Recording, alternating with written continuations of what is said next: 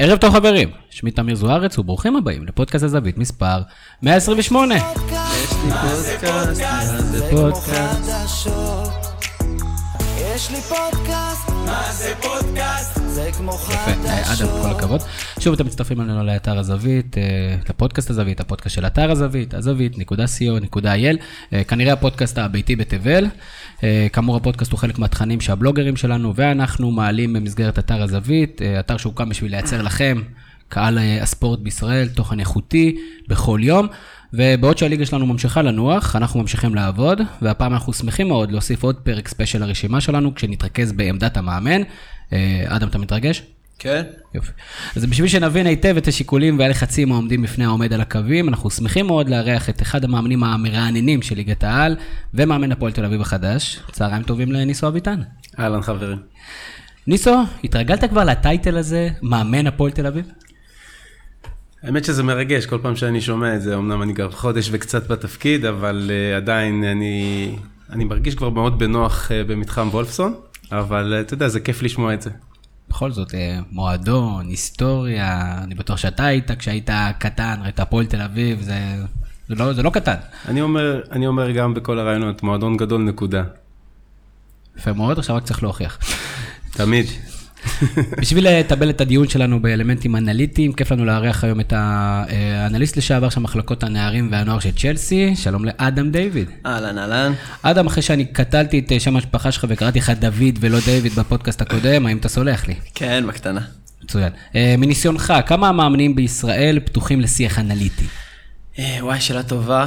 אה, אנחנו שואלים פה רק שאלות טובות, אדם. נכון. אני חושב שיש אה, כמה סוגי מאמנים. אני חושב שיש מאמנים שהם יותר אה, סטייל של אה, רוצים לאסוף אליהם כמה שיותר אנשים וככה לקבל החלטות לפי זה, ויש יותר מאמנים שמונעים קצת מכל האגו וה, והבריוניות של כאילו אני מחליט הכל ואתם תעשו.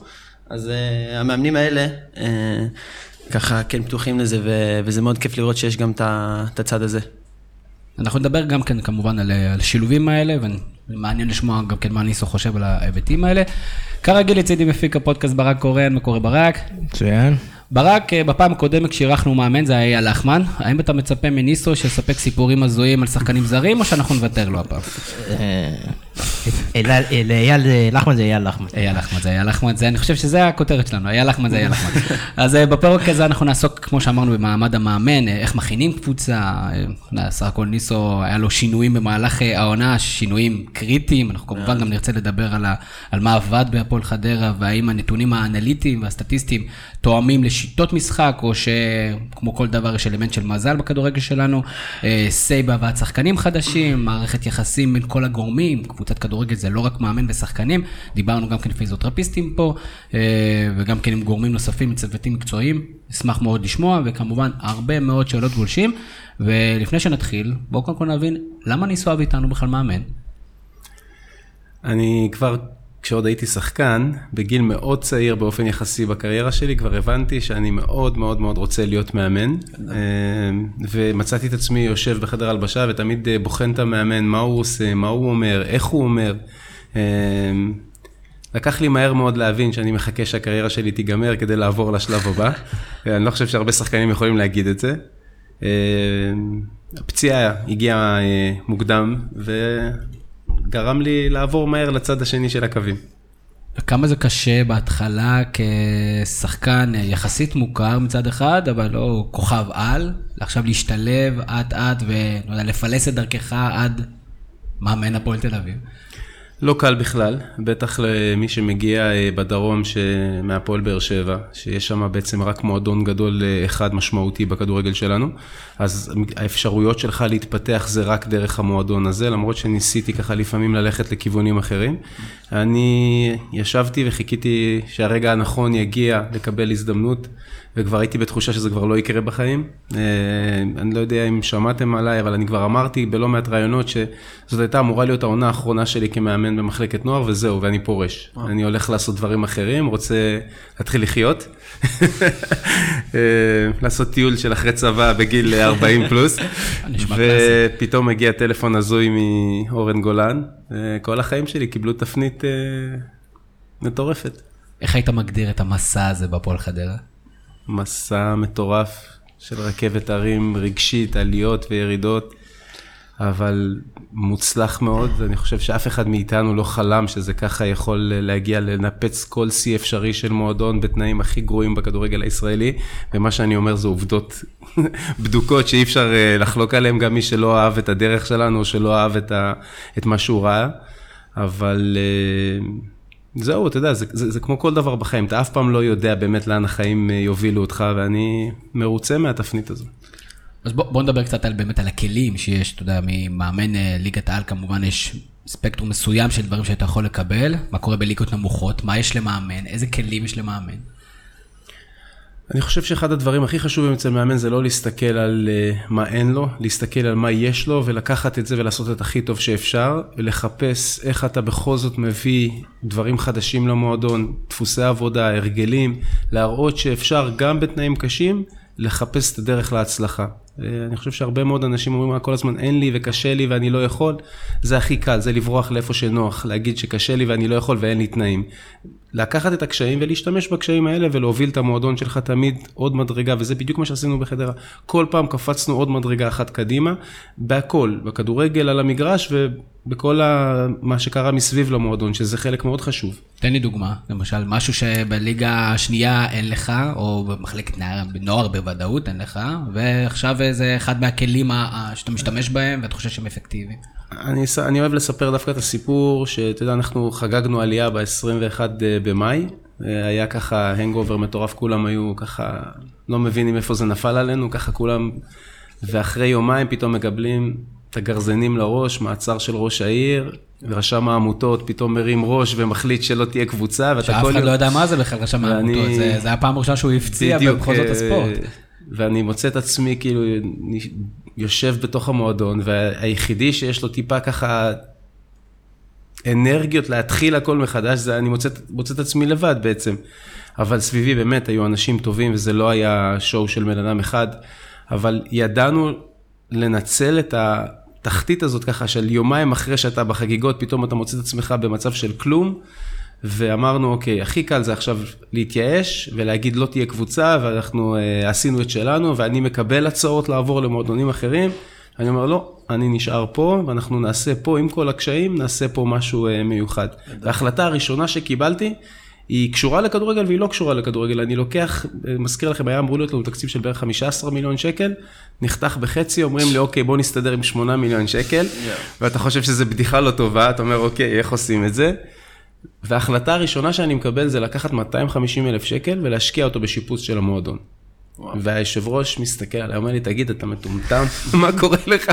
אין לנו כסף לשחקנים, אתה רוצה לבזבז עכשיו 250 אלף שקל? אני אומר לו, כן, כי הבנתי לאן אני רוצה לקחת את המועדון. רציתי שהשחקנים שהלכו לפגרה ליהנות, לנוח, וידענו שרובם יצטרכו, או חלקם הגדול יצטרכו לחזור בשלב ראשון, יראו משהו אחר, יראו שהמועדון הזה, עם כל הקשיים, עשה קפיצת מדרגה, והיה לי חשוב שהשחקנים שיגיעו ממקומות אחרים לא ירגישו כישלון. אני תכף אסביר אם אתם רוצים למה אני מתכוון. ידעתי, ידעתי, הייתה לי דרך פעולה. אומרת, ישבתי עם עצמי, גם אני הייתי בשוק יומיים ממה שקרה, אבל הבנתי שאם אני לא תהיה לי תוכנית, ואני לא אדע מה אני רוצה מעצמי, אנחנו לא נצליח לייצר שום דבר. אמרתי, אוקיי, השחקנים שיגיעו לפה, ויראו מועדון מוזנח, חדרי הלבשה אה, מצחיקים, תנאים רעים מאוד לשחקני כדורגל, אין חדר אספות, אין חדר הלבשה כמו שצריך, ירגישו שבעיני עצמם כישלון.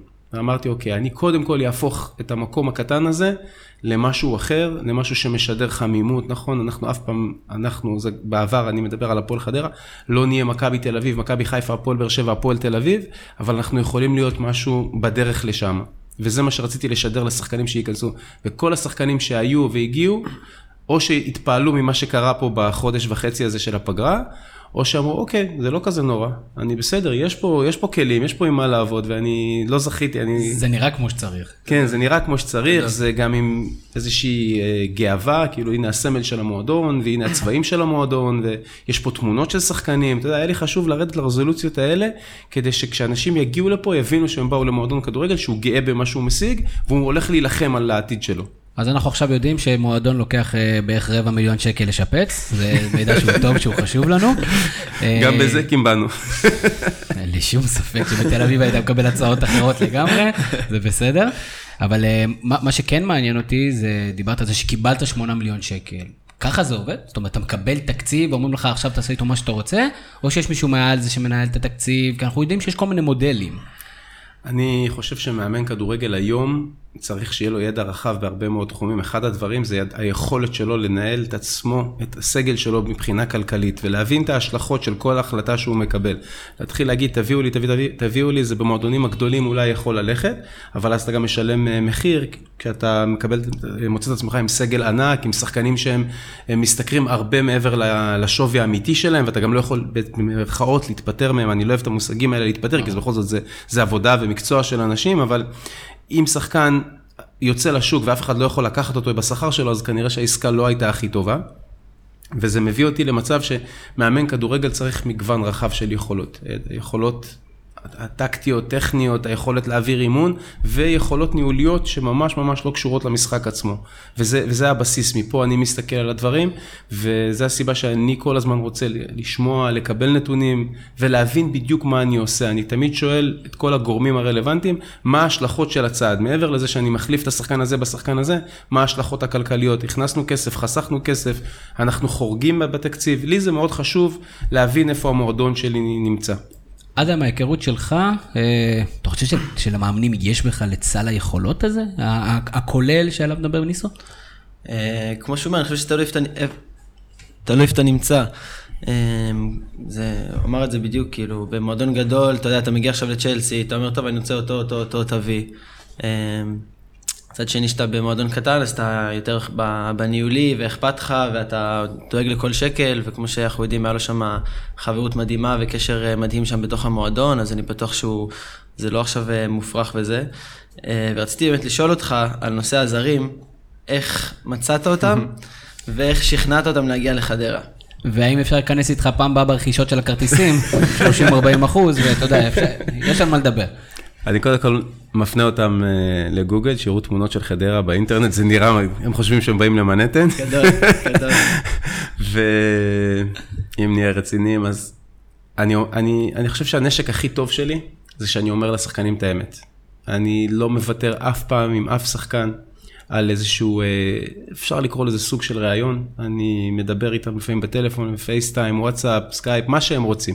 אני רוצה לראות את השחקן, אני רוצה לראות את השפת גוף שלו, אני מנסה להבין מה חשוב לו, באיזה מצב משפחתי הוא. אה, אני אוהב לעשות איתם סימולציות, איפה אתה רואה את עצמך בסוף העונה, מה הוא בעצם מצפה, מה התסריט הכי טוב, מה התסריט הגרוע. ולאט לאט אתה מכיר ומצליח להבין מה, מה עושה את זה לשחקן הזה. ואם אתה, ככל שאתה מעוניין בשחקן הזה, אתה בעצם יודע שאם אתה תצליח לגעת בנקודות שחשובות לו, ותגרום לו להאמין שאתה יכול לקחת אותו הלאה לצעד הבא בקריירה שלו, אז השחקן ייתן בך את האמון וילך איתך. השחקנים צריכים להאמין במאמן שלהם, והמאמן צריך את האמון של השחקנים. זה נקודת המפתח מבחינתי, וזה מה שעשיתי עם כמעט כל השחקנים. עכשיו, זה, בנוגע ל... אחרי לזרים. שכבר מצאת אותם, ו...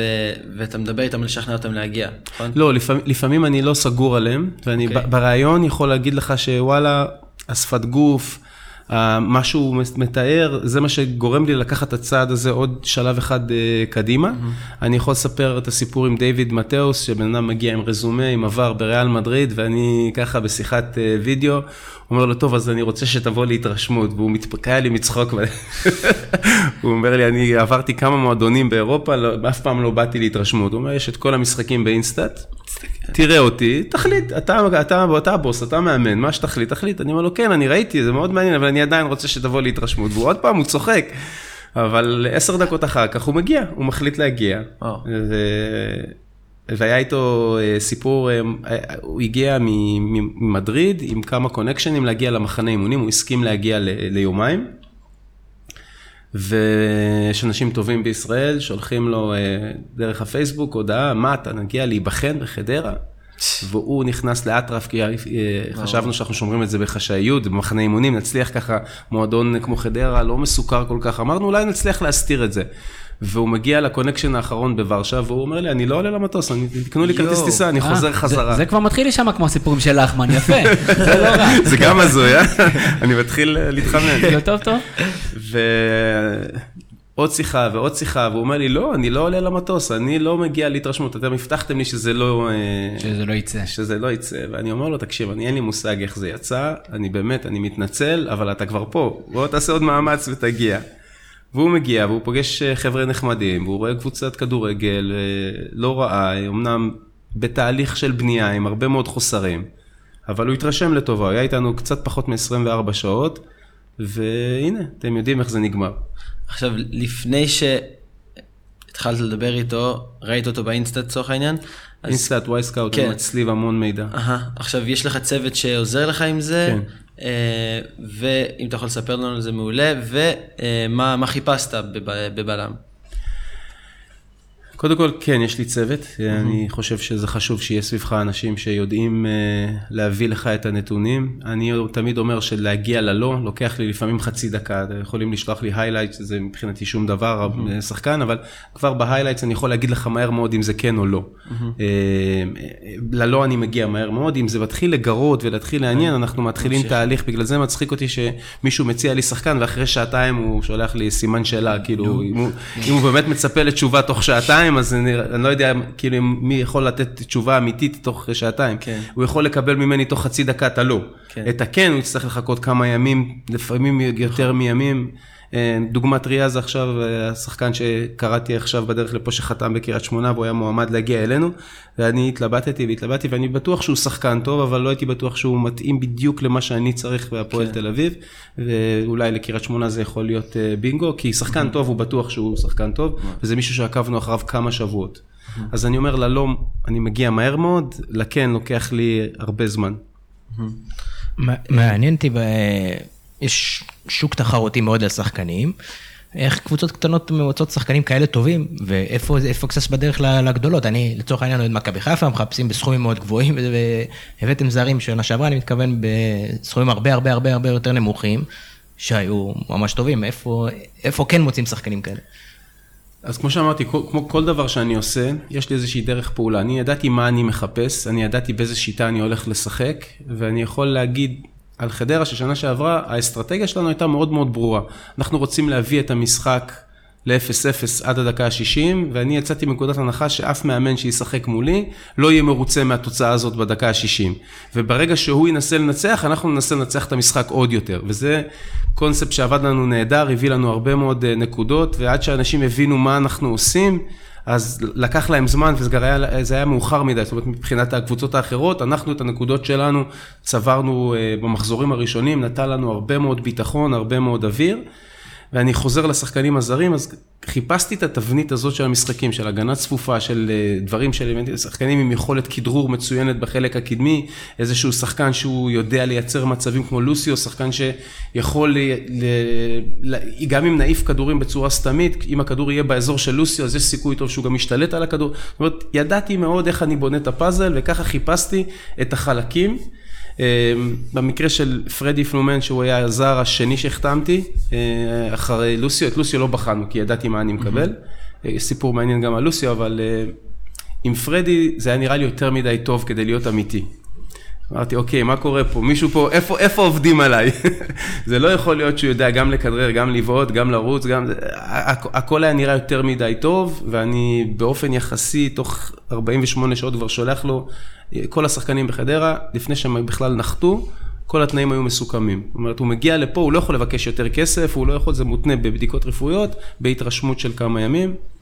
אה, עשיתי גם עם פרדי שיחה אה, סקייפ, והבנתי שהוא מבין שהוא פספוס, ושהוא הוא שידר לי שהוא כן רוצה עוד הזדמנות, והוא חושב שישראל זה יכול להיות איזשהו מקום טוב, שהכדורגל פה יכול להתאים לו, כי הוא תמיד היה עם מטען של ציפיות, הוא גדל ב... וקנו אותו בגיל צעיר מאוד בהרבה מאוד כסף, וכל הזמן הנבחרות הצעירות של צרפת. והוא כל הזמן ראה את כל החברים שלו פורחים, והוא תמיד, כמו שאמרתי קודם, הרגיש כישלון בעיני עצמו.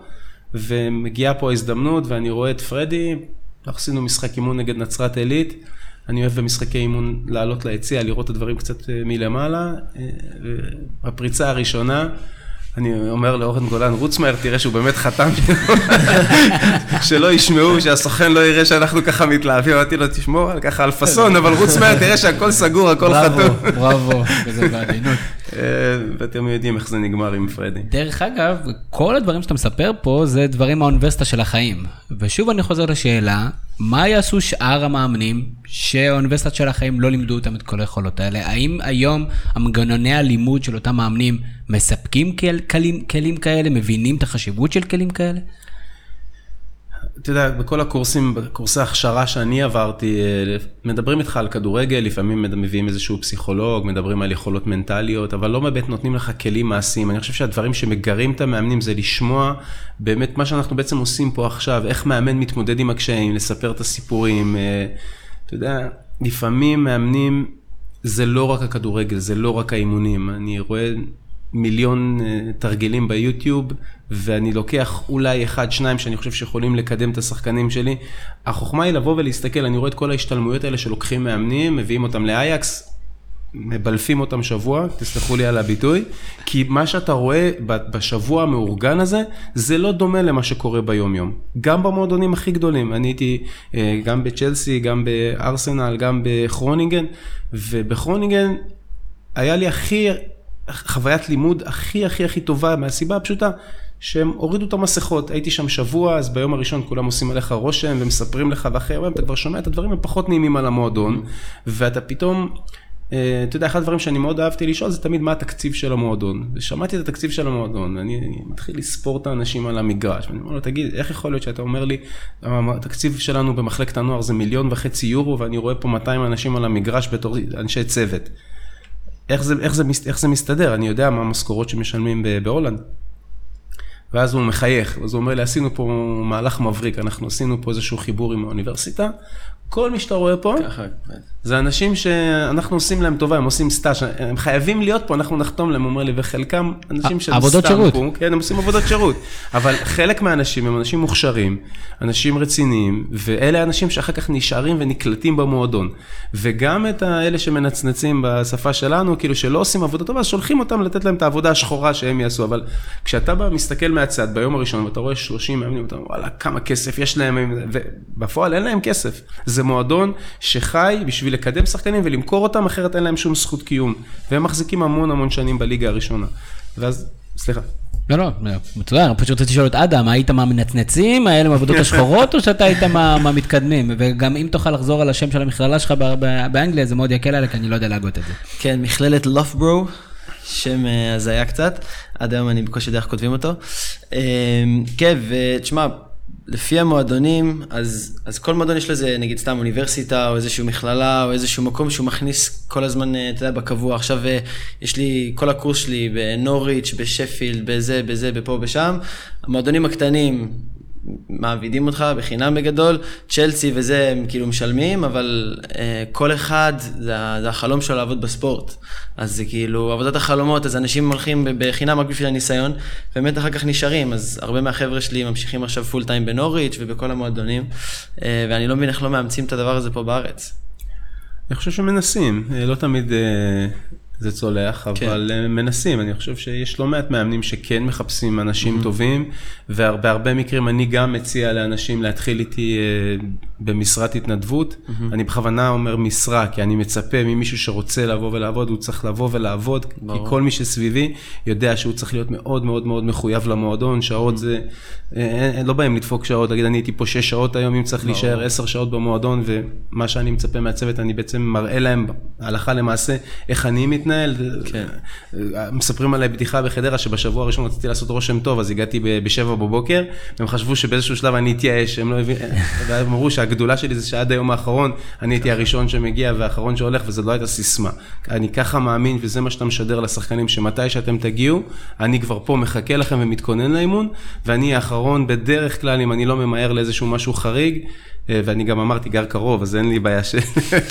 לא, רציתי להגיד לך שזה אחלה דרך לעקוף את הפקקים. לעקוף את הפקקים. דרך אגב, זה משהו, אם יש חיסרון להיות מאמן הפועל תל אביב, זה הפקקים של תל אביב. בסדר, זה גם יש במכבי תל אביב, אתה יודע. זה... לא, אנחנו. לא מדברים על זה, אנחנו נכון. עכשיו מדברים לא, רק על רק הפועל אני תל מנסה, אביב. אתה יודע, רק להזכיר. אה, יש, אה, דיברת קצת על צורת האימון, אה, ש, שאתה כן נראה לי יותר בעד של כן להביא אנשים ולשמוע והכל. אימנת בבאר שבע במחלקת נוער בתקופה של גם ברק בכר. כן. רציתי לדעת אם הצורת אימון שלו, שאני חושב שהוא גם בראש כזה, אם זה השפיע לך על הצורת אימון שלך, אם לקחתם משם דברים, או שזה היה מאוד בנפרד ומנותק. הייתי אה, מגיע לא מעט לאימונים של הבוגרים, כי אני חושב שזה תמיד טוב אה, לראות, אה, לרענן את עצמך. הרבה פעמים הייתי לוקח דברים ועושה שינויים כאלה ואחרים שיתאימו את את הרמה לשחקנים שלי, כי לפעמים אתה מביא יופי של תרגיל, אבל השחקנים שלך אין להם באמת היכולות לבצע את זה, או אין לך את את הציוד הנדרש לבצע את זה, או את האנשי צוות שאיתך, למרות שבבאר שבע באמת תמיד, בעידן של אלונה, תמיד התנאים היו מצוינים. אמ, אז כן, אני למדתי מכל המאמנים, באמת, וזה לא קלישאה, אני למדתי לפעמים מה לא לעשות, ולפעמים מה כן לעשות, ולפעמים אה, לקחת את הדברים, אבל תמיד הכנסתי את זה בעיניים שלי למה אני צריך ולעשות את השינויים הקטנים, אבל אני תמיד לומד, אני יכול להסתכל על אימון של נערים ג' ולהגיד, וואלה, איזה יופי של תרגיל יש למאמן פה, ואני לוקח אותו בלי להתבייש. גונב. גונב, גונב, מותר. אנחנו שואלים את זה הרבה, גם לדעתי שאלנו פה אורחים נוספים, מה דעתך על אה, גישת אה, ברצלונה שאומרת שכל המחלקות של כל האגודה צריכה לשחק באותה שיטה, או פחות או יותר באותו מערך, על מנת שהמעבר לבוגרים יהיה חלק יותר, או שאתה אומר שכל אחד מתנהל עצמאית לפי השחקנים שיש לו? אני עוד לא ראיתי מועדון אחד בישראל שהמעבר לבוגרים הוא חלק. אז אה, יש פילוסופיות, יש אה, צרכים של מועדון, יש אה, גישות. אני לא פוסל, אני לא אומר זה נכון, וזאת הגישה שלי בכלל בכדורגל. אין דבר שהוא נכון ולא נכון, אני לא מסתכל על זה אף פעם במושגים האלה. אני מסתכל אם זה מתאים לי, אם זה נכון לי. אה, לפעמים זה, יש לזה כמו כל דבר יתרונות וחסרונות, זה יכול להיות מעניין, אתה יודע, כשאתה ברצלונה, אתה בעצם קונה שחקנים כשהם בני עשר, אז אתה יכול להמשיך ולגדל אותם לפי הפילוסופיה שלך, ואי אפשר להתווכח עם ההצלחה שלהם. אבל לא כל דבר שמתאים לברצלונה יכול להתאים לשאר המועדונים, אני שמעתי את פפ פעם אומר, אני יכול להוציא לפועל את הפילוסופיה שלי מצוין, כי אני, יש לי בדרך כלל במועדונים שאני עובד, יש כסף ואני קונה את השחקן שאני חושב שהוא יכול להיות הכי טוב בתפקיד הזה. אז אם תיקח את פפ גורדיולה ותיתן לו לאמן קבוצה בליגה א' דרום, לא בטוח שהוא ככה יצליח. אז אה, אין ספק שהוא תמיד יישאר מאמן גדול, אבל אתה יודע, זה גם מה הכלים שיש לך. הי- היום באנגליה הכיוון הכללי הוא שמאמן מגיע תחת איזשהו מנהל מקצועי עם, עם חזון של איך אני רוצה שהקבוצה תראה עוד עשר שנים, והמחלקת נוער נבנית בצורה שאמורה להכין את הילדים לאט לאט להיכנס לדבר הזה. אז uh, בהפועל תל אביב, uh, מעניין אותי לדעת אם אתה, כמה אתה רוצה להיות מעורב במחלקת נוער, אם אתה חושב על איזשהו משהו כזה להכניס בקטע שיטתי שיכול להתאים uh, להמשך טווח רחוק, או שזה כדורגל ישראלי ואין בכלל מה לחשוב על הטווח הרחוק, כי הכל מהרגע להרגע. אני, דבר ראשון שאני עושה זה אני מתמקד במשימה שלשמה הביאו אותי, הביאו אותי להיות מאמן הפועל תל אביב והביאו אותי לייצר הצלחה בקבוצה הבוגרת.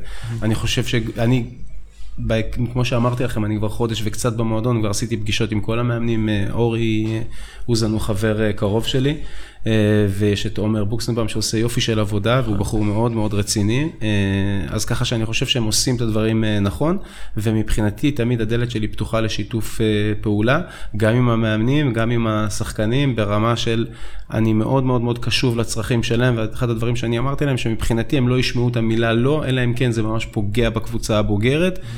תמיד הברירת מחדל שלי זה כן לעזור למחלקת הנוער, וככל שאתה מצליח להצמיח שחקנים, אתה א', אם חוזרים להיבט הכלכלי, משדרג את המועדון שלך, מעלה את הערך שלו, וכל שחקן שבתחילת העונה היה שווה X כסף, ובסוף העונה הבאת אותו ל-Y קדימה, אז המועדון נהנה, זה חלק אה, מה, מה, מההתקדמות של המועדון. הפועל חדרה, עוד, עוד משהו שעכשיו אני חושב עליו, עשו דבר חסר תקדים. אנחנו הכנסנו יותר כסף מכל השכר שחקנים שלנו, אנחנו עשינו, היה לנו מכירות של ארבעה, קצת יותר מארבעה מיליון שקל, והשכר שחקנים היה 3.8. מטורף. שזה... אנחנו מדברים על זה לא. לא מעט פה בפודקאסט לגבי אה, אה, חזון של מועדונים, מועדוני הביניים או מועדונים הקטנים בישראל, אה, שאפשר גם כן בצורה מסוימת להכניס את בני יהודה לתוך הסיפור הזה של מועדונים שצריכים לייצר שחקנים, למכור ולהתקיים, אה, ולא תמיד הקהל מקבל את זה, זאת אומרת צריך פה איזה תיאום ציפיות, לא פשוט.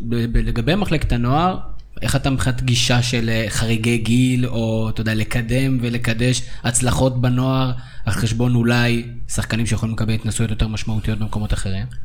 אני, גם עוד כשהייתי בכובע של מאמן נוער, לא אהבתי את עניין החריגים. אני חושב שבישראל יש איזושהי מדרגה שאף אחד לא נותן עליה את הדעת. כולם יודעים מה הבעיה, אני לא מגלה פה את אמריקה, יש פה בעיה של פער בין ליגת העל לנוער לבין הרמות הגבוהות של הלאומית ושל ליגת העל. בגלל זה אנחנו רואים מעט מאוד שחקנים בעצם עושים את המעבר הזה. יש כישרונות ויש שחקנים שיכולים, אני חושב שחדרה נתנה תשובה לכולם שאם רוצים אז אפשר. לי חסר עוד איזושהי ליגת ביניים לשחקני איכות האלה, למועדונים הגדולים, זה אומר להוציא כסף, ולא תמיד המועדונים הגדולים רוצים להוציא את הכסף במקום הנכון, הם רוצים את הזבנג וגמרנו. אה, בלי להיכנס לשמות, תראו את ההתנהלות. היום הרבה מועדונים, בעיקר הגדולים, מעדיפים לקנות שחקן מוכן, ולא לנסות לייצר שחקן. כי לייצר שחקן, זה מה שאנחנו חווינו אה, בחדרה, זה תנודות קיצוניות ביכולת, ברמה של שלושה ימים השחקן הזה הוא...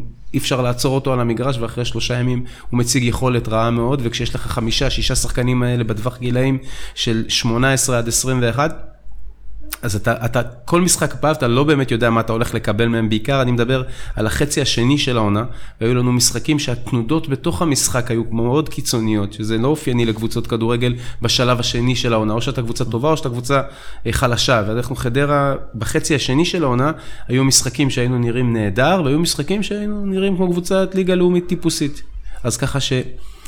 אני חושב שאם רוצים להשקיע ולקדם, בנוסף למגבלה של הצבא, של כל השחקנים האלה בשנה השנייה של הנוער, שהיא כמעט לכולם נשרפת בגלל הטירונות, אה, בגלל עד שעושים קורס בצבא, מעט מאוד שחקנים הם ספורטאים מצטיינים שהכל הולך להם חלק, וזו שנה קריטית. אני הייתי מכניס... שנתיים נערים א', שנתיים נוער, והייתי עושה under 21, under 23, משולב עם ליגת מילואים, שאפשר להכניס שם קצת איכות עם שחקנים שלא משחקים בסגל. שיקום, ואני חושב שזה עולה כסף, אבל אם רוצים לקדם, אז אין מה לעשות. בכל, בכל עסק בשביל להתקדם צריך קצת להשקיע בשביל לראות פירות בעתיד. מסכים, והיה לא מעט טורים על זה באתר שלנו. כן, אה, כן, אז אפרופו הצעירים, בעונה האחרונה יצא לך לעבוד הרבה עם צעירים, אה, במיוחד ממכבי תל אביב. אליאל פרץ, אילון אלמוג, קרצב, חביב אוחיון. קרצ'קין. נכון. למה כולם ממכבי?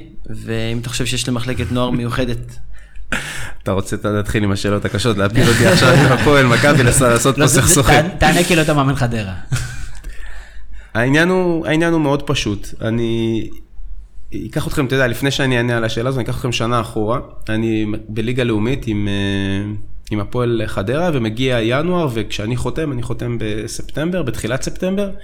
וראש העיר ואורן אומרים לי, אל תדאג, יש לנו 400-500 אלף שקל, אנחנו שומרים אותם, אם אנחנו נהיה במצב קשה מאוד בתחתית, אנחנו ניתן לך לעשות אה, שינויים. עוד שיפוץ. עוד שיפוץ קטן, ככה שבמושגים של אה, ליגה לאומית, 400-500 אלף שקל לחמישה חודשים, זה הרבה מאוד כסף, זה, זה חמישה שחקני איכות. ואני מגיע יום, יומיים לפני חלון העברות הראשון, סוף חלון העברות הראשון, ואני מצרף את אה, אילון ירושלמי, שחקן בן 19. אמ, וזהו, זה, זה השחקן היחידי שאני לוקח, ודיאלה בבידי, ככה, כולם מפרגנים לי איך, איך מצאת את דיאלה בבידי, נטו מזל, אפרופו דיברנו על מזל, שעתיים לפני שנגמר החלון אומרים לי, אתה רוצה את דיאלה בבידי? אני אומר להם, מי זה?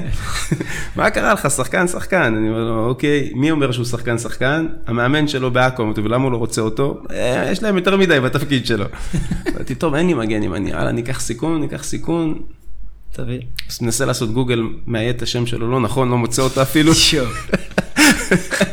אני מתקשר לאורן, אני אומר לו, וואלה, אין לנו מגן, מה, איך הוא נראה לך? הוא אומר לי, וואלה, הוא עושה רושם של בחור, מה זה טוב? אמרתי לו, זה לא קריטריון בכדורגל, אבל יאללה, בוא נלך עם זה. והוא אחד השיחוקים הכי גדולים שלנו, אז אפרופו מזל.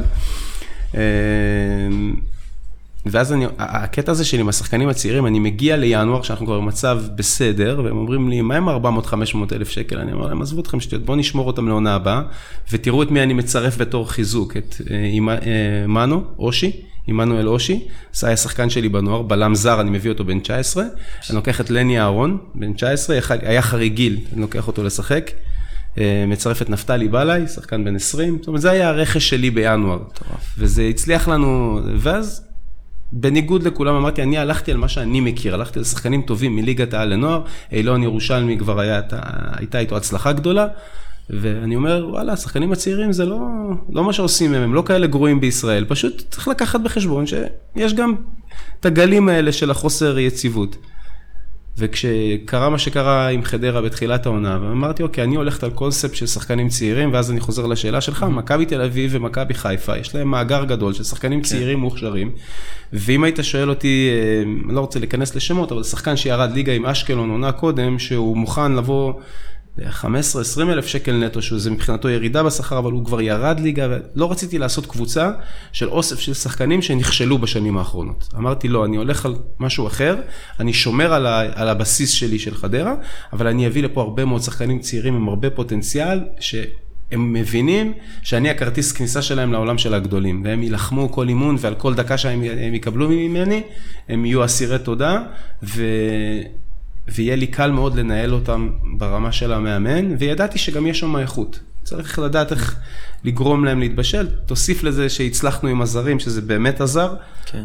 אבל בחצי השני הזרים הפכו להיות פחות דומיננטיים, גם עזבו השחקנים הזרים, גם הגיע אלינו ג'ורג' פוצ'יבה.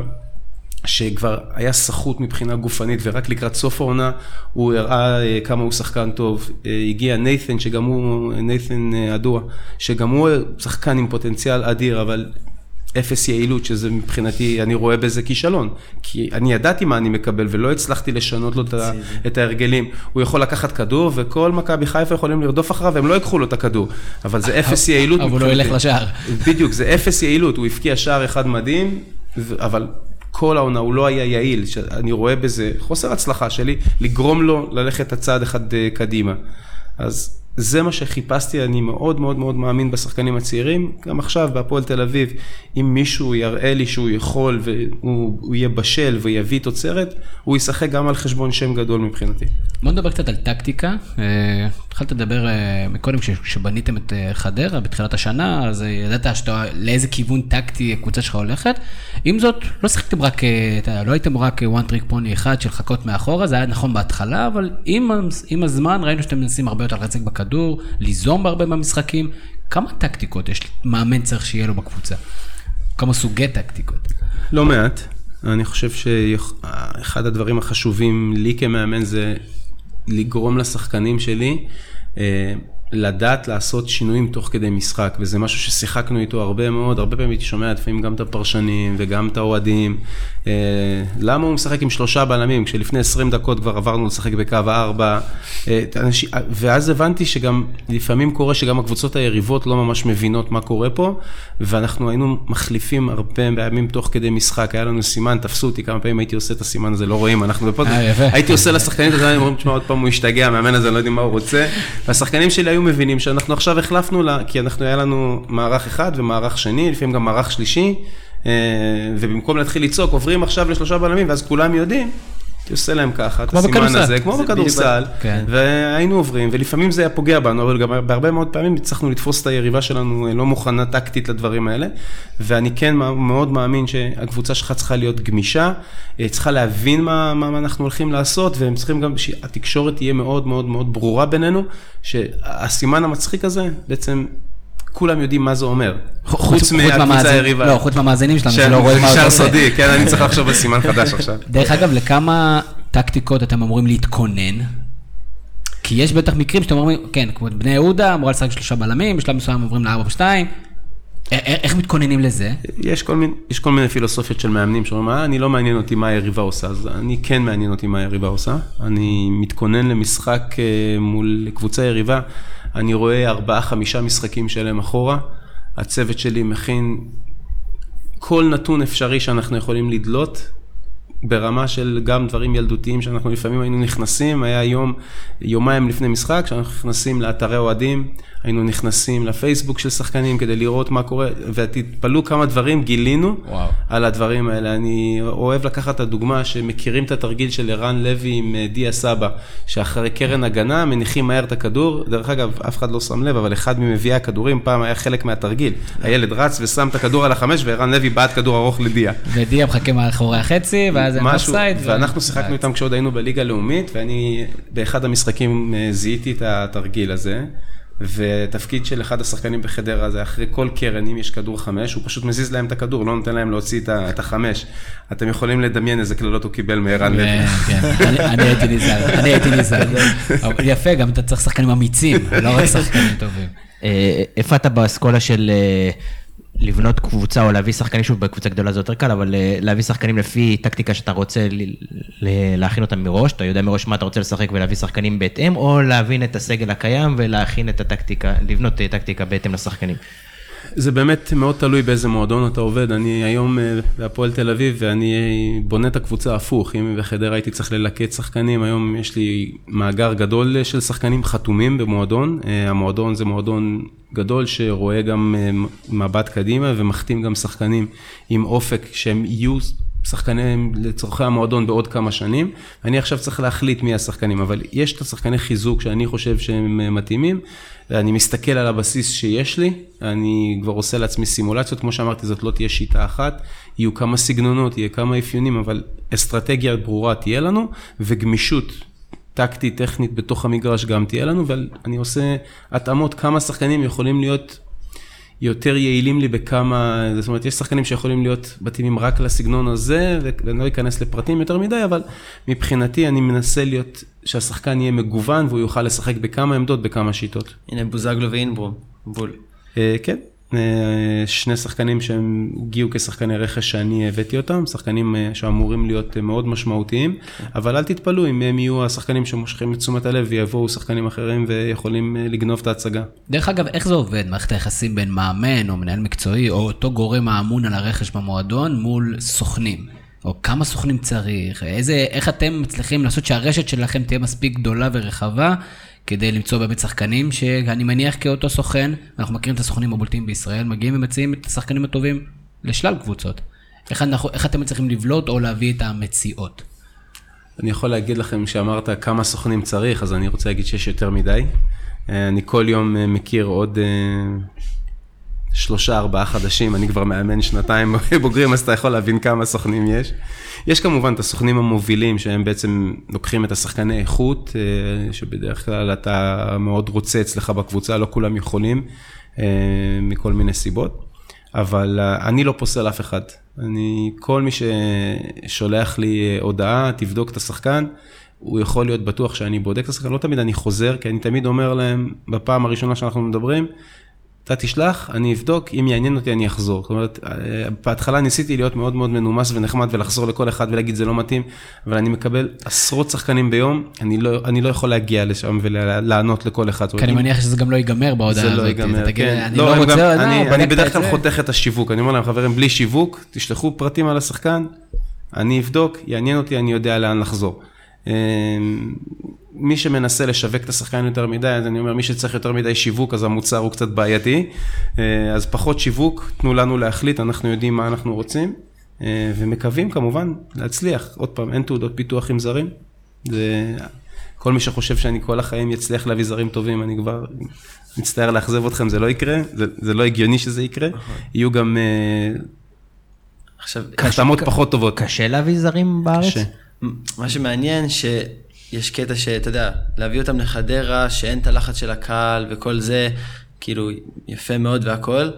עכשיו בהפועל תל אביב יש שיגידו שמאז אה, דה סילבה איניימה איזה תשע שנים, חוץ מלוקה סאשה אולי, לא פגענו בזרים.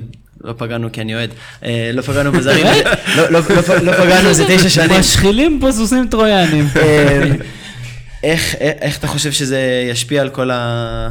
אני חושב שזה יהיה יותר קשה, יותר קל אולי אפילו. זה עוד, בטוח זה עוד רבדים שצריך אני לקחת בחשבון. מקבל כאילו שלושה שחקנים זרים אה, בירושה, אני מקבל את אה, קלאודימיר, זאת אומרת ש- שהחלטתי שאני רוצה אותם, שאני משאיר אותם, כן. את אה, קלאודימיר, את אה, פירסמן ואת אה, בואטנג. אה, יש את מוליץ' אה, שהוא יודע כבר שהוא פחות אה, בתוכניות והוא יצטרך אה, למצוא אה, קבוצה. אז ככה שאת מייקל עולה זה השחקן הראשון שהחתמתי בלי באמת אה, לראות אותו, כמו שאני ממש ממש רוצה. אה, והנה עוד מעבר ממועדון שמכריח להביא שחקנים של התרשמות, כי שחקנים שבאים בחוזים נמוכים, אז אתה יכול להיות יותר קשוח, וגם היו מקרים שמאוד רציתי שחקן והוא לא הסכים וויתרתי. במקרה של מייקל עולה משהו מאוד מאוד מאוד משך אותי אה, באיך שהוא משחק, הוא משחק בליגה שהיא לא ליגה עוצמתית, אבל אם תסתכלו טוב על השחקנים שם, השחקנים שם מאוד מהירים, ועם המהירות הוא עדיין מראה עליונות מוחלטת. אה, ראיתי טכניקה טובה וראיתי שחקן בגיל שעוד יש לו לאן להתפתח. ולקחתי החלטה, בניגוד לכל מה שאני מאמין, זאת אומרת לפעמים גם צריך לצאת מהקיבעון שלך ולהגיד, אוקיי, אני לוקח פה את הסיכון, אה, והחתמנו אותו. אה, גם לא דיברתי איתו, כי היה פה קושי, כי הוא תחת חוזה מול קבוצה, והקבוצה שלו עדיין נלחמת עליו, הם לא, אין להם מה לעשות, זה כבר עסקה סגורה, הם רק צריכים להחליט אם הם משחררים אותו עכשיו, ולוקחים איזשהו פיצוי קטן, או שהם משחררים אותו באוקטובר, ואז אנחנו רושמים אותו אה, בינואר. אז אני אומר שהדברים האלה, יש לך את הכללים שלך, אבל גם אל תהיה מקובע, אל תלך אחריהם כמו, כמו תוכי, לפעמים גם צריך להיות גמישות במחשבה, ותמיד המזל צריך להאיר לך פנים כדי שזה יצליח. בוא נדבר קצת על אה, אנליטיקה, בכל זאת הבאנו את אדם, אנחנו צריכים לעשות איתו משהו. אה, כמה אתה משתמש בנתונים אנליטיים, בתוכנות אנליטיות, כמה הניתוחים האלה בכלל עוברים לשחקנים, כמה בתוכנית השיפור של שחקנים יש מקום לרבדים טכנולוגיים? יש, יש הרבה מקום. אה, אני משתמש, אני מאוד אוהב אה, מידע, אני מאוד אוהב סטטיסטיקה. אני אומר שהסטטיסטיקה מספרת אה, סיפור, וצריך פשוט להסתכל ולחפש מה, מה הנתונים מספרים לך. אה, אני משתמש בזה גם בפרמטרים של החתמת שחקנים, גם בפרמטר של ביקורת על שחקנים שלנו, מה הם, מה הם עושים במשחק, לתת להם יעדים, אני משתמש בזה להתכונן ליריבה, ואני גם תמיד תמיד תמיד זוכר את המשפט של שלמה שרף, שזה השפיץ של הנעל. זאת אומרת שאתה יכול לעשות משהו שהוא נהדר, אתה יכול, הם תוקפים ב-80% מאגף שמאל, אני סתם ממציא עכשיו אה, משהו, ואתה תסגור מצוין את הצד שהם תוקפים בו, ואז ירימו איזה כדור מקרי, והשוער שלך, אה, אוסטין אג'ידה, יחליט שהוא... שהוא אה, מחליק באותו רגע, ואז כל הסטטיסטיקה ירדה לטמיון. אבל לאורך זמן, הנתונים האלה הם מאוד מאוד מאוד חשובים. אני חושב שהם גם איזשהו מדד שלנו כמאמנים, ביקורת על איך, מה אנחנו תכננו מול מה שיצא. אה, ביקורת אה, של, שלנו על השחקנים שלנו ביחס לתפוקות שלהם במגרש, לי קרה באופן אישי שהלכתי הביתה ואמרתי, וואי, איזה גרוע היה השחקן הזה היום, הוא לא הביא כלום למשחק, והוא לא רץ, והוא לא זה, והוא לא זה, והוא לא זה, ואז אני יושב, אני אף, פעם לא מקבל, אני אף פעם לא מקבל החלטה, ואני קורא את הסטטיסטיקה ואני אומר, אוקיי, משהו עם הסטטיסטיקה לא מסתדר לי עם מה שאני חושב על המשחק, אני הולך, רואה את המשחק, ואני רואה שאני טעיתי לגמרי. וזה, וזה קורה, אתה בתחושה במשחק, במשחק יש עליך לחץ אדיר, ודרך אגב דיברנו קודם במושגים של לחץ כן חדר, אני תמיד אומר שבכדורגל תמיד יש לחץ, ומי שלא אוהב לחץ, שלא יתקרב לספורט תחרותי. בכל מקום, מי שאוהב את המקצוע שלו ומי שמחויב, יש לחץ מבפנים. עזוב את הקהל ואת הזה, עם זה אפשר, יש כלים להתמודד. אני אומר, הלחץ הוא בפנים. אני, מבחינתי, כשאני מפסיד משחק, אני מרגיש כאילו חרב עליי עולמי, כאילו.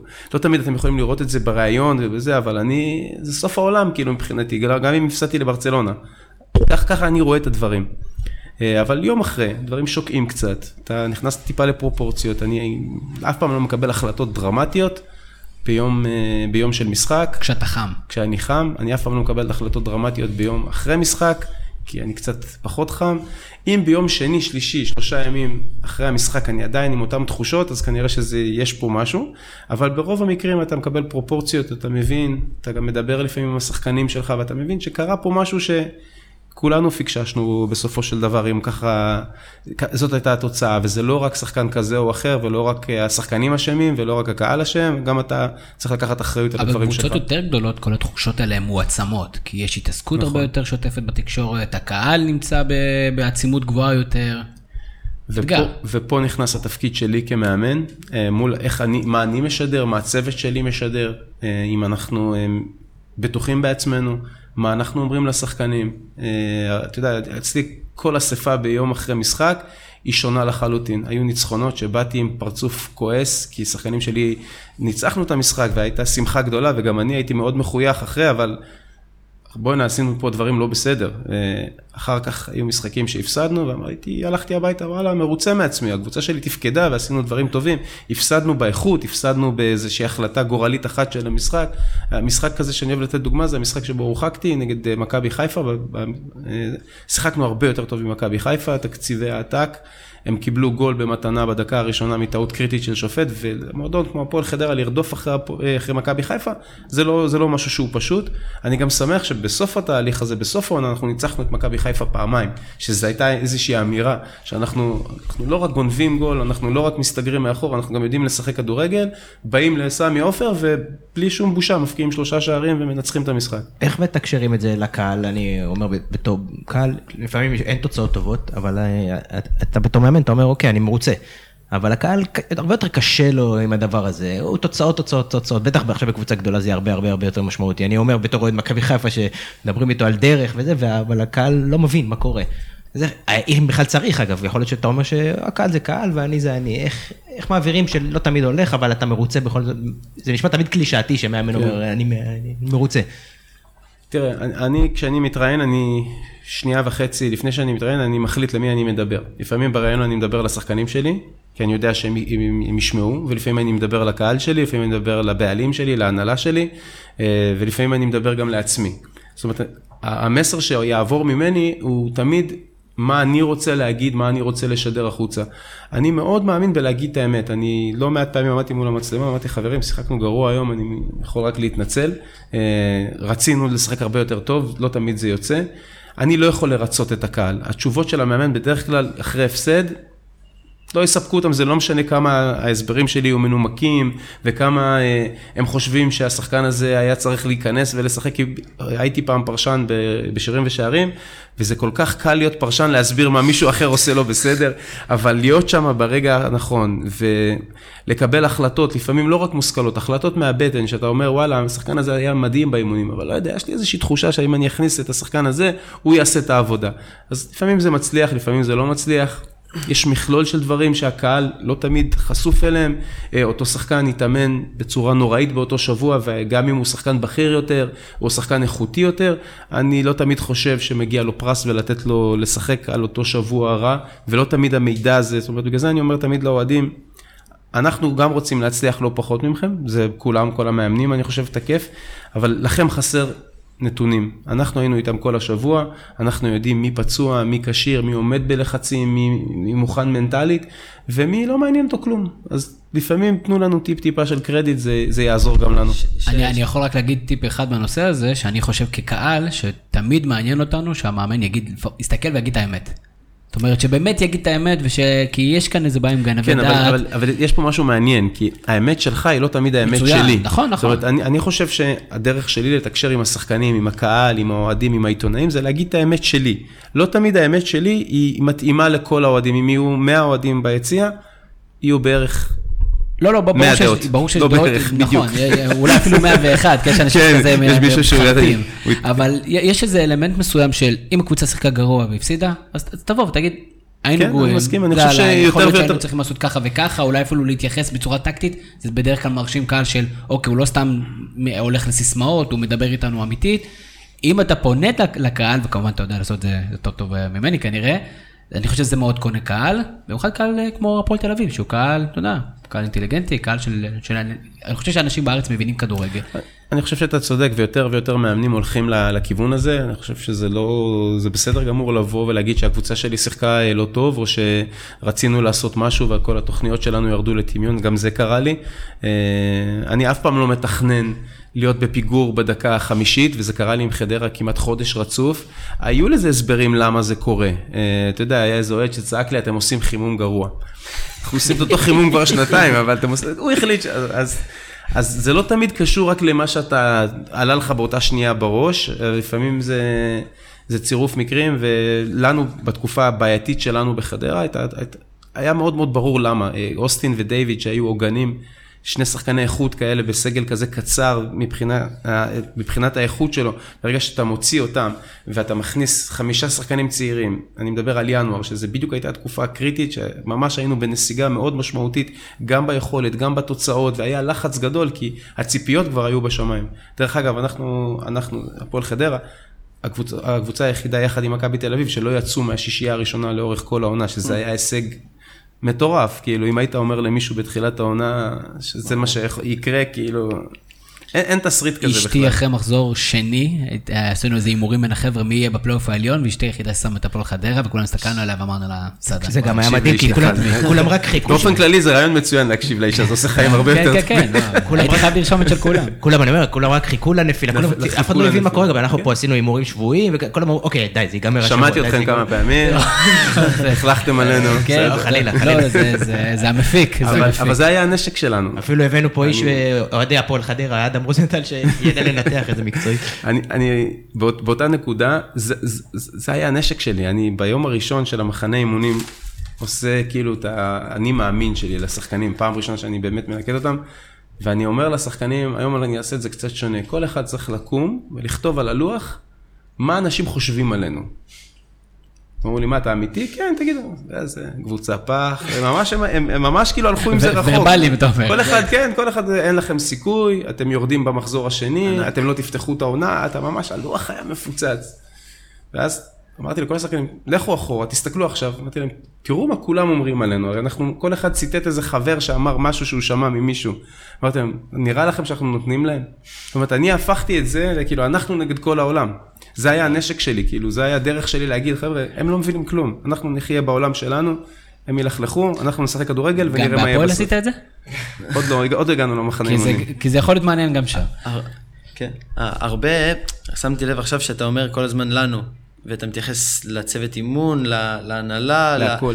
אז הייתי רוצה לדעת איך אתה עובד מבחינת כאילו המבנה של מי מסתכל על שחקנים, אם אתה מפריד בין scouting לאנליטיקה, אה, הכנה למשחק הבא, אה, לימוד על הקבוצה שלך, מה אתה עושה, כאילו מי עושה מה כזה, הייתי קצת רוצה לדעת.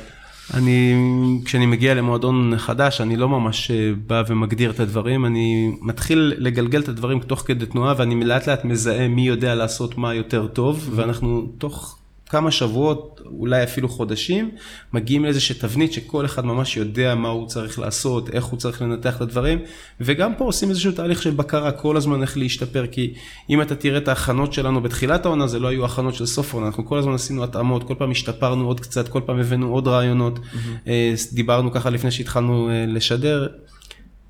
מה הייתי עושה עם השחקנים, זאת אומרת לי מאוד מאוד חשוב מה השחקנים בעצם מבינים, אני רוצה להעביר איזשהו משהו ואחר כך חשוב לי לקבל מהשחקנים כי השחקנים כל אחד הוא עולם בפני עצמו וכל אחד יש לו את הדרך שלו להבין, יש שחקנים שגם ברמה המנטלית זה שונה, יש שחקן אחד שאתה צריך לצעוק עליו ויש שחקן אחד שאתה צריך ללטף אותו ולחבק אותו ויש שחקן אחד שאתה רק צריך אה, לקרוץ לו ולהגיד לו שיהיה בסדר וה- וה- והדברים יסתדרו, כל אחד הוא עולם והיכולת שלנו כצוות זה לזהות מהי הדרך להגיע לשחקנים ומה הדרך שלנו להעביר להם את מה שאנחנו רוצים בצורה הכי פשוטה והכי ברורה.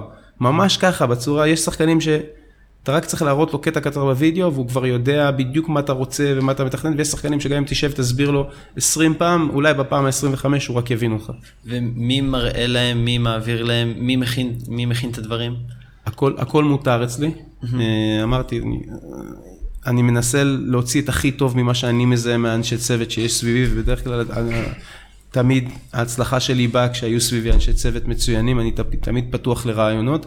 הם גם אבל יודעים שאם אני, ברגע שאני החלטתי, זה לא משנה אם קיבלתי, לקחתי, לא לקחתי את הרעיון שלך, החלטתי, זהו, כולם מתיישרים מאחורי ההחלטה הזאת, כי תמיד אנחנו צריכים לשדר החוצה, שאנחנו חזית אחידה. וזה משהו שהוא מאוד חשוב לי בצוות, וזה עובד לי מצוין. לכולם מותר להגיד הכל, עד שאני מחליט לאיזה כיוון אנחנו הולכים, לפעמים צודק, לפעמים טועה, זה וזה- בסדר, זה חלק מהעניין. וזה לא פשוט בקבוצה סופר מסוכרת כמו הפועל תל אביב, אתגר אה, שונה, אני מאמין, אבל הגעת מקבוצות גדולות, אתה יודע איך זה. אה, נתחיל באמת לעבור שאלות הגולשים, כי אנחנו באמת יכולים, אה, אתה יודע, אנחנו רוצים שתגיע מתישהו לשבת. אז אה, רועי חיים, אה, שהוא אוהד הפועל באר שבע, שואל אה, קודם כל את השאלה הפשוטה, האם יש לך שאיפה לחזור לאמן בהפועל באר שבע? אתה- יכול לוותר על השאלה הזאת, זה בסדר. אה, הוא שואל גם כמי שהיה במערכת של באר שבע, מה דעתך על פורמט הנוער של באר שבע? בכל זאת היית שם. אה, מה העניין? זאת אומרת, דיברנו על זה שיש קבוצה אחת, אבל האם יש אופציה לרתום אוניברסיטאות, אקדמיות באזוריות? אז אני אגיד שמבחינת השאיפות, אז כמובן שאני יום אחד ארצה להגיע להיות אה, מאמן הפועל באר שבע, להגיד לך מתי זה יקרה, אין לי מושג, ראינו כבר וסיפרתי שהחיים מובילים אותך לכל מיני מקומות. אני רואה את העתיד שלי, את השנים אה, הבאות אה, בהפועל תל אביב, אני חתום לשנתיים ואני אפילו שואף שזה יהיה יותר מזה. אבל עוד פעם, החיים חזקים מהכל. לגבי מחלקת הנוער של הפועל באר שבע, אני יודע שהם עובדים קשה, הם כל הזמן רוצים להשתפר, אבל הדבר הבסיסי הוא שברגע שיש לך סגל כזה, כמו שהיו להם, הסגל שהיה להם בשנים האחרונות, סגל עתיר כוכבים, סכומים מטורפים, איפה השחקנים הצעירים האלה ייכנסו? מישהו צריך לפתוח להם את הדרך כדי לתת להם, וגם לקחת בחשבון, כמו שאמרתי קודם, את התנודות אה, ביכולת. יש להפועל באר שבע את המאגר, שחקנים הצעירים שיכולים להתפתח ולהתקדם. אה, שלחת לי את השאלות, אמרו איך לא הצלחתם לייצר שחקן אחד, אז יש שחקנים שזה, אופיר דוד זאדה, זה תוצר של מחלקת הנוער. אה, יוסף אבולאבן, הייתה התחלה מאוד מאוד מרשימה והוא נעלם, כי עוד פעם, יש כל מיני מגבלות, אני לא יודע בדיוק את הסיפור. היו שחקנים טובים, אה, לוטם זינו, פציעה שהכריעה אותו מליגיונר, הוא משחק היום אה, בליגה הלאומית. יש שחקנים טובים בהפועל באר שבע. ובכל זאת, בהשוואה לדוגמה למכבי חיפה, שגם היא אימפריה אזורית, שמרכזת המון מה, מהשחקנים של אותו אזור, גם לבאר שבע יש את היכולת, ויש לא מעט שחקנים גם במגזרים, וגם כן במקומיים, וזו עיר גדולה. ועושה רושם שעדיין חסר שם איזה משהו כדי שהמחלקת הנוער תהיה באותה רמה, באותה, אה, באותו שיח, כמו מכבי תל אביב או מכבי חיפה. אנחנו רואים גם כמו מחלקות כמו בני יהודה או מכבי פתח תקווה שעושות מחלקות אה, נהדרות. האם אתה חושב שזה בכלל בפוקוס עם מקבל החלטות שם? מחלקת הנוער מאוד חשובה לאלונה. אה, אלונה, אה, בניגוד ללא מעט אה, בעלים, יודעת כל דבר שנעשה במחלקת הנוער, היא מעורבת, היא מכירה, אני לא אגזים ואני אגיד, היא מכירה בשם את כל השחקנים שיש במחלקת הנוער. היא יודעת שמספר 17 בילדים א', קוראים לו X, היא יודעת. אשכרה. היא באה למשחקים, היא מאוד מעורבת, היא, היא מסתכלת על המאמנים, היא מגיעה לפעמים ומעיפה מבט על האימונים. העניין הזה עם השילוב עם אתלטיקו יכול להיות מעניין, אני חושב שהשנה הראשונה... אה, לא הייתה מוצלחת, אה, היה חבלי לידה קשים, הייתה בעיית תקשורת, הייתה בעיה, אבל הם עושים עוד ניסיון והם ממשיכים עם הפרויקט הזה קדימה, שאני חושב שבטווח הרחוק יכול להניב אה, פירות, יכול להיות מעניין כי כן מגיעים אנשי מקצוע טובים. ובאותה נשימה אני אומר שיש גם אנשי מקצוע טובים בעיר באר שבע שגם צריכים לתת להם אופק, איך הם יכולים להתקדם. אני חושב שאני הדוגמה למי שכאילו חיכה וחיכה וחיכה וחיכה ולא קיבל את, באמת את ההזדמנות.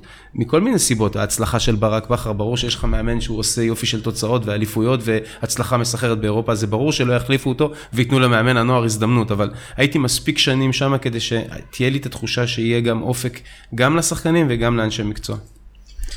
בנושא הזה, דיברת על אה, הזדמנויות וכאלה, אה, הייתי שמח לדבר על נושא קצת כואב, לפחות, לפחות לפי העונה שעברה, זה שזה מעמד המאמן, שוב, שום דבר שמי, אבל אה, יש הרבה מאמנים שמסתובבים בחוץ והם רעבים, אני מניח שגם אתה היית כזה. השאלה, אנחנו בתור קהל, קל לנו להגיד למה הוא לא מתפטר, למה הוא לא עוזב, למה זה, בסופו של דבר זה פרנסה. שאלה, האם זה בכלל שיקול שהולכים למועדון כלשהו, מסתכל על הבעלים, איך הוא עובד, האם הוא נותן לעבוד, אני, אני לגמרי מכבד, מכבד, אני בניגוד לאחרים אומר, אף פעם לא אגיד למישהו להתפטר מהעבודה שלו. מבין גם כאלה שהולכים למקומות שלכאורה הם במרכאות בעייתיים. שאלה, בתור מאמן שהיה רעב, האם כן יש בכלל את האופציה לסרב למועדון, להיות, להיות בררן. להיות בררן או לקבל, להתייחס לנושא הזה בכלל. אני יכול, אני יכול לספר על עצמי שלי זה מאוד חשוב, שאני כן אה, עושה בדיקה, ואחד הדברים שאני יכול להגיד, יכולים להגיד שאני מתחנף, אה, אני חושב שהפער בתדמית של מה שאנשים יודעים ורואים ושומעים, לבין מה שקורה בפועל, וזה נכון לגבי הפועל תל אביב היום, עם הבעלים אה, שמנהלים את המועדון, וזה היה נכון בחדרה. אחד השחקנים שדובב גבאי התראיין עכשיו בקיץ, בניסיון להציל את הקריירה הספורטיבית שלו, שזה לגיטימי, הוא אמר שלא נתתי לו לשחק כי קיבלתי הוראות. הודעות מהנהלה. אם יש משהו שאי אפשר להגיד עליי בחדרה, שזה שמישהו קבע לי משהו, אני חושב שזה היה הדבר הכי מופרך ששמעתי בחיים שלי. אז אני אומר... אבל יצא מזה כותרת? אה, בוודאי, מה זה? לא, זה מה ש... בדיוק. אז זה מה שאני אומר בעצם. מעמד המאמן מאוד תלוי גם במאמנים. אם אתה רוצה את ההזדמנות, אבל אתה מראש נכנס לסיטואציה שאין לך סיכוי להצליח, אז אל תיקח את ההזדמנות, כי זו לא באמת הזדמנות. אם אתה, אם אתה, אתה לוקח, אה, היה מאמן ששנה שעברה הסכים לעבוד ויכולים לפטר אותו עם פיצוי של חודש, אז הוא בעצם מזמין את הפיטורין שלו. אה, ובשנייה הראשונה עושים שיקול כלכלי, זה, לא, זה הופך להיות בכלל לא שיקול. עכשיו, אני היום יכול להרשות לעצמי לבוא ולהיות עם תנאים קצת יותר נוקשים. כשהגעתי לחדרה, מה שעניין אותי זה כמה הם מאמינים בי וכמה הם ייתנו לי לעבוד. וזה היה המפתח.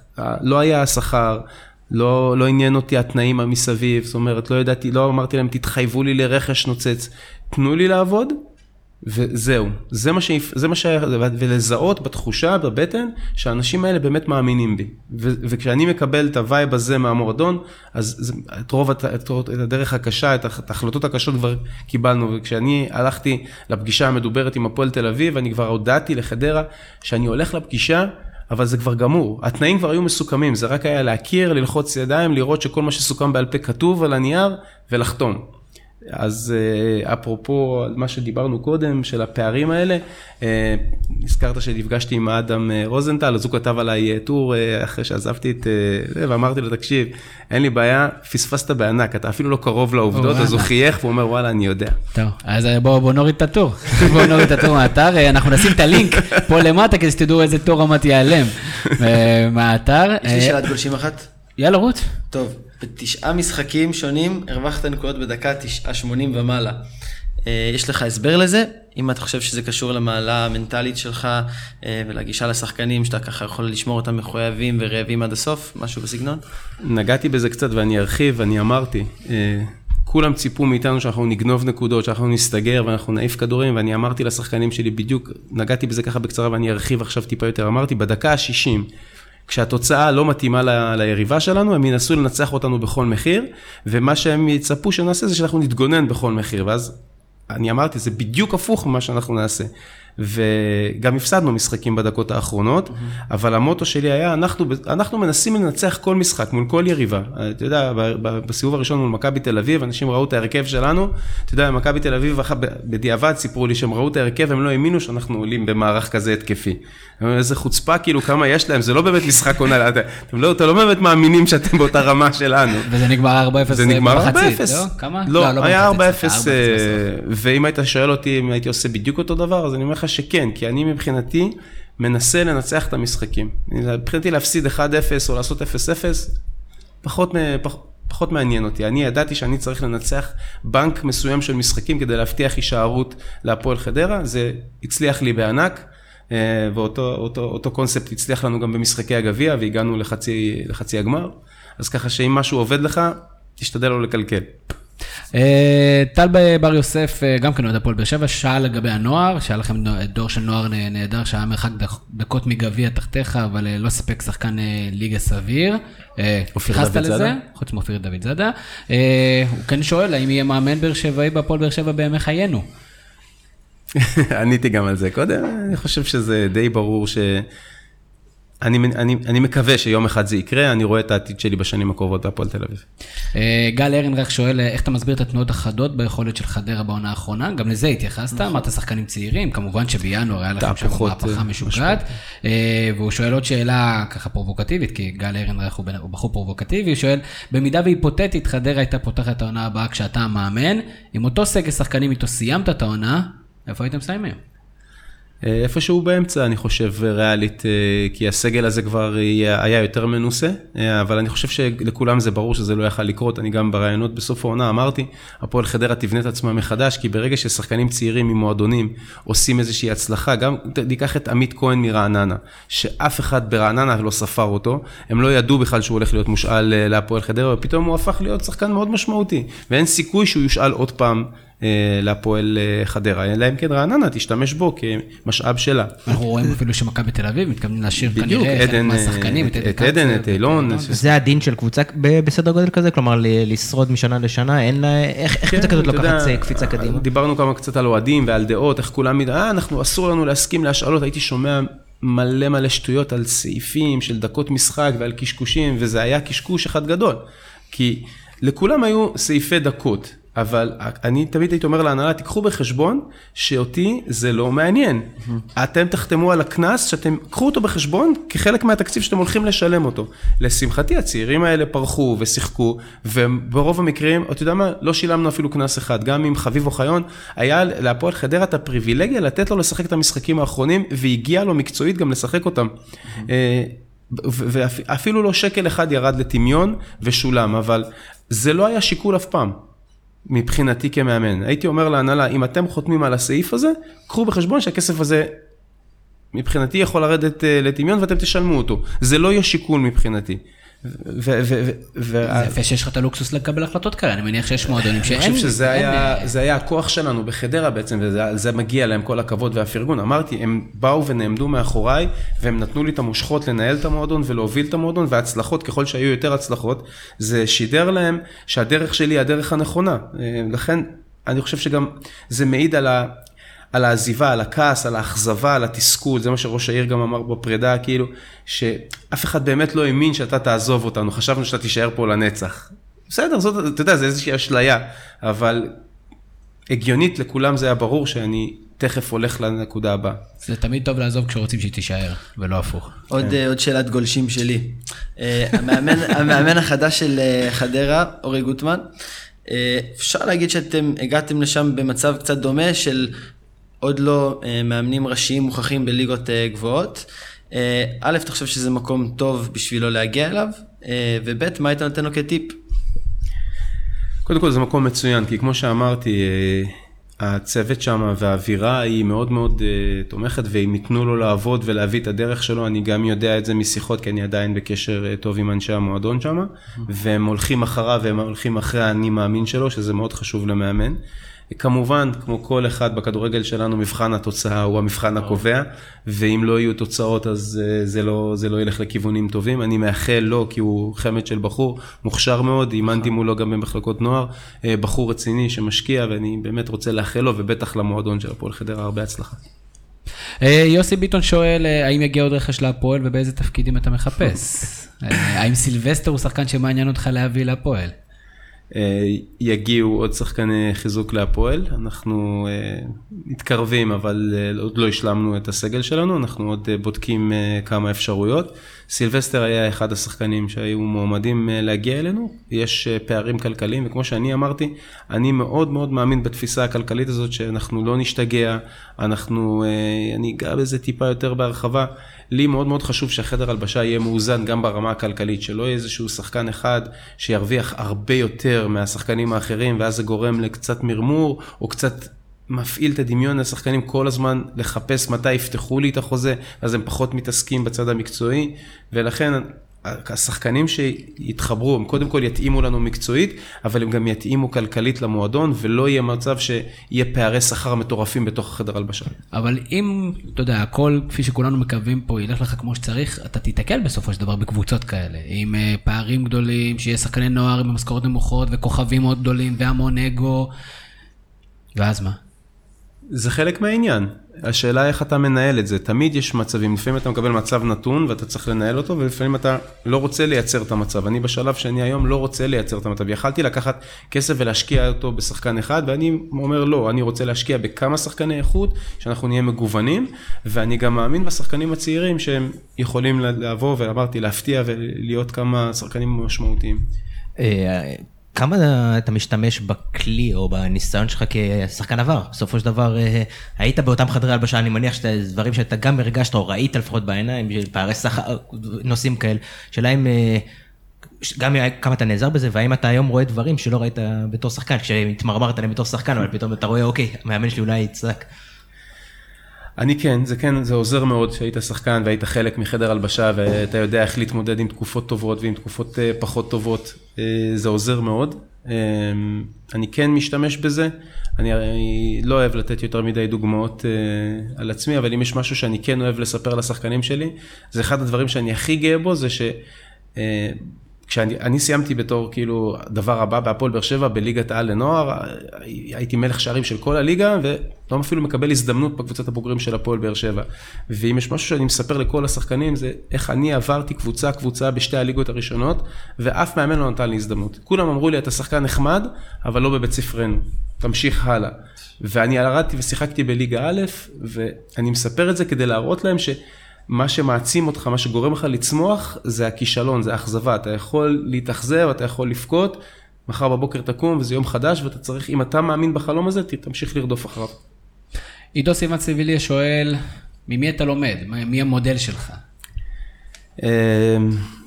בלי להתעלות באילנות יותר מדי גבוהים, אני משתדל ללמוד מכולם, אני חושב שיש לא מעט פעמים אני מוצא את עצמי מחפש אה, הרבה מאוד חומר או ניתוחים לפעמים של אנליסטים על מאמן מסוים, אה, לנסות להבין מה הוא עושה, מה הוא חושב, אני מאוד מאוד מאוד אוהב ללכת להשתלמויות במ- במועדונים. אני מציק למועדונים, אני כנראה מופיע בספאם במייל בהרבה מאוד מועדונים. אני שולח אה, מיילים בלי הפסקה. Who is this ניסו?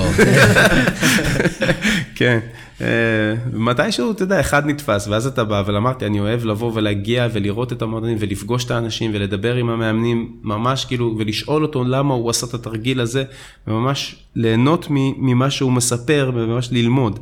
ואני לא אלך ככה סתם, אה, תגיד לי לראות אה, משחק של אה, ברצלונה, ריאל מדריד, או להיות שבוע באוססונה, אני אגיד לך, שבוע להיות עם אה, אוססונה. אדם קל. מבסוט, כן, סוסונה. טוב, אולי אנחנו נעשה איזה טיול אחרי צבא משותף כזה. עופר גולדמן שואל שאלה מעניינת, שואל, מה אה, אורך החיים של מאמן בקבוצה לדעתך? וואו. אה, הכי צפוי בכדורגל הישראלי בטח זה הבלתי צפוי, אתה אף פעם לא יודע מתי אה, יורידו לך את הגרזן לראש ויפטרו אותך. אה, יש קלישאה שאומרת שאתה לא באמת מאמן עד שלא יפטרו אותך, אז אותי פיטרו בחדרה, אז כבר הרגשתי סבבה. שבוע וחצי לפני סוף העונה פיטרו אותי, אז אני כבר אומר, וואלה, יש לי- יש לי וי גם על זה. זה לפרוטוקול. כן. זה יושב בראש, זה קשה, כאילו, מפריע לתפקוד היומיומי, או שזה איפשהו שם? אני תמיד אומר שאני לא נותן לפחד לנהל אותי, אני צריך לתת לעבודה לנהל אותי. זה קל להגיד שאני רוצה לחיות בבועה שלי, אבל זה, זה מפריע. זה, אתה יודע, זה, זה בסוף מקור פרנסה. אה, לשמחתי, אני מגיע לכדורגל עם איזשהו אה, בסיס ש... אני את ההחלטות שלי אקבל על סמך הידע שלי והרצונות שלי כמאמן, ואני לא אתן לשיקול הזה להשפיע על ההחלטות שלי, כדי שבבוקר כשאני קם, אני אסתכל לעצמי במראה ואני אדע שאם נכשלתי, אני נכשלתי באמת, כי לא, ובגלל שרציתי לרצות אנשים שרצו שאני אעשה ככה אחרת, ואז אני יודע שאני אשלם עם עצמי. אני חושב שהוא שאל, או אולי ניתן עוד איזה טוויסט לשאלה, של במידה וזה היה תלוי בך, כמה שנים אתה חושב שזה אורך חיים אה, שהוא מתאים אוקיי. ל- למועדון? זה תלוי במועדון, אה, וזה תלוי באמת, אני חושב שככל שמאמן יותר שנים במועדון, אז הוא יכול להטמיע יותר דברים, ויכול להתייחס למה שאתה אמרת, למחלקות נוער, אה, לכוון את האנשים לרצונות, אה, אם אתה מזהה איזשהו כישרון יוצא דופן בגיל 14, ואתה אומר, אוקיי, בואו אנחנו כולנו נתגייס וננסה לייצר שחקן.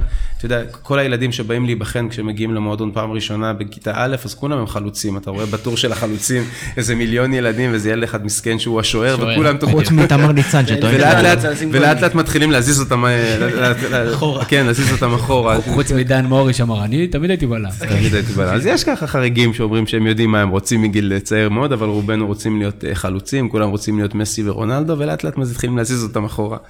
אז ככה שאני חושב שזה דבר מבורך שמאמן יוכל לעבוד בשקט כמה שנים במועדון, זה גם לאורך זמן מייצר הצלחה בעיניי. אין ספק. יונתן מאיר, שהוא בלוגר שלנו ועוד הפועל תל אביב, שאל סט של שאלות. יונתן, זה לא פודקאסט שלך, אנחנו נשאר רק, ניקח רק שאלה אחת. אה, מה סגנון המשחק שאתה מתכוון להביא להפועל תל אביב העונה? זה בדיוק מה שאמרתי שאני לא רוצה ש- נכון, לגלות. אבל אתה יודע, צריך להגיד לא. מגוון. אה, משהו מגוון, אני מבין אה, שאנחנו צריכים להיות אה, קבוצה, ברוב המקרים קבוצה יוזמת, קבוצה שיודעת להתמודד עם קבוצה שבאה לשחק, כמו שחדרה שיחקה שנה שעברה, להתגונן ולנסות לתפוס את הנקודת תורפה. בגלל זה אני מחפש את השחקני איכות, היה חשוב לי להחתים שחקן כמו מאור בוזגלו, שהוא מביא ערך מוסף מעבר לזה שהוא שחקן כדורגל מצוין והוא נבחר על זה בעקבות זה שהוא שחקן כדורגל מצוין, שהוא הוא בסטטיסטיקה, אפרופו העזרה מאדם, עזר לי לעשות אה, סדר וניתוח אנליטי של הדברים, של הנתונים, של המספרים, וגם, ואני יודע מה אני צריך, אני צריך שיהיה לנו מצבים נייחים טובים, אני צריך שאנחנו נהיה קבוצת הגנה טובה, שהפועל היו קבוצה כזו בעונה הקודמת, ולכן חשוב לי ואני נלחם על הבלמים, שהבסיס הזה יישאר, אבל... אם יקרה שהם לא יהיו, אז אנחנו נצטרך אה, להכין תוכנית ב' וג' וד'. בעקבות זה שכמה אה, אוהדי הפועל תל אביב כתבו לנו אה, שאלות בנושא, אתה רוצה לנצל פה את הפלטפורמה בשביל להסביר להם מה המטרות של הפועל תל אביב השנה, או שאתה אומר, אני רוצה לסיים לבנות את הסגל שלי, ואז יהיה יותר קל לשדר את זה? לא, אני אמרתי אה, ואומר כל הזמן, המטרה של הפועל תל אביב, בעיניי אמרתי, הפועל תל אביב מועדון גדול, אז הוא לא יכול להגיד אנחנו רוצים להישאר בליגה. אנחנו צריכים להיות חברים אה, קבועים בפלייאוף העליון, וזה אומר שאיפות אה, בצמרת, אתה יודע, עם תנודות כאלה ואחרות במהלך העונה. אני יודע שגם אנחנו נשחק טוב, אנחנו נשחק פחות טוב, אנחנו נשחק גם גרוע לפעמים, זה חלק מתהליך של קבוצת כדורגל. מה שחשוב זה שבכל אחד מהתקופות האלה נדע לייצר תוצאות טובות, כי אתה יכול לשחק טוב ולהפסיד, אתה יכול לשחק רע ולנצח.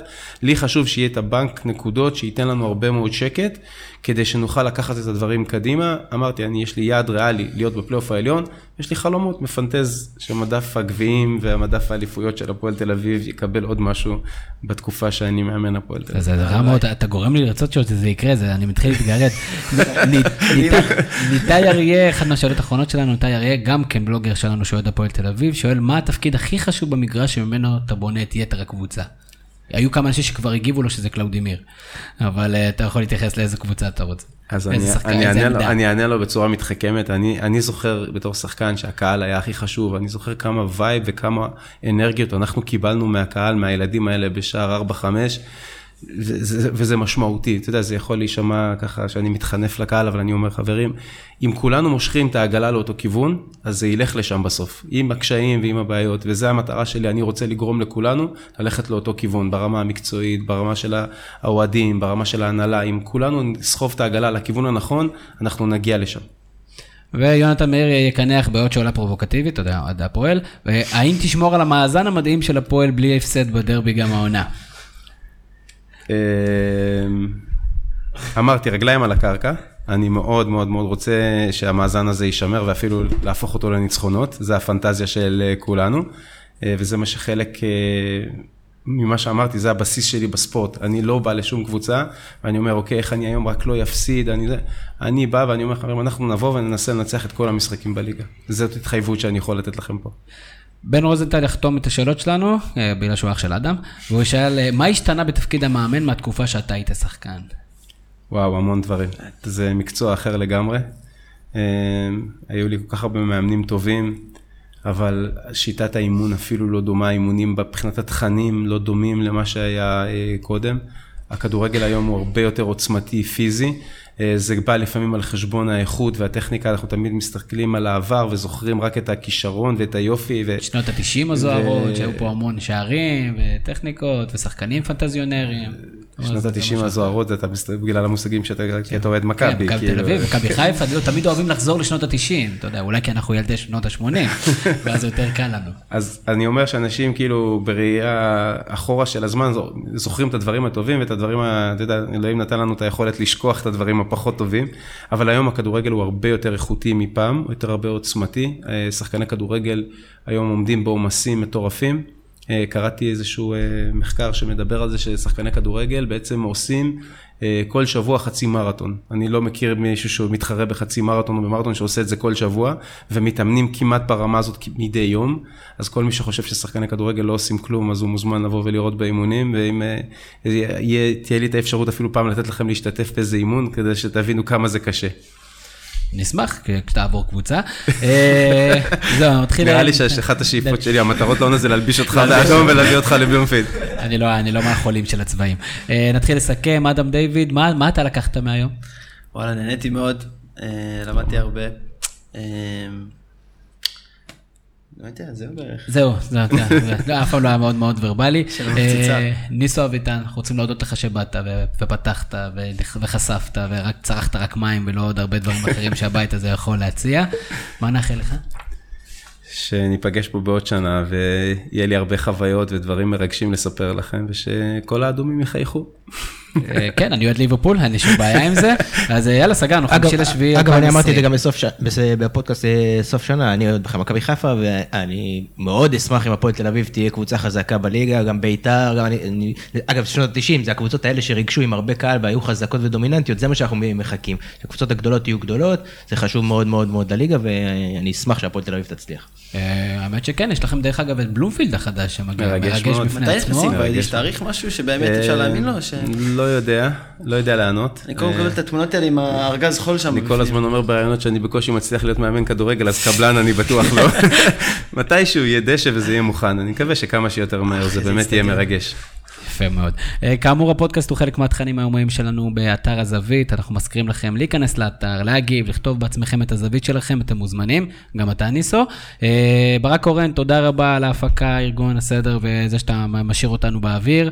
אני הייתי תמיר זוארץ, שיהיה לכם שבת שלום. יש לי פודקאסט, מה זה פודקאסט? זה כמו חדשות. יש לי פודקאסט, מה זה פודקאסט? זה כמו חדשות.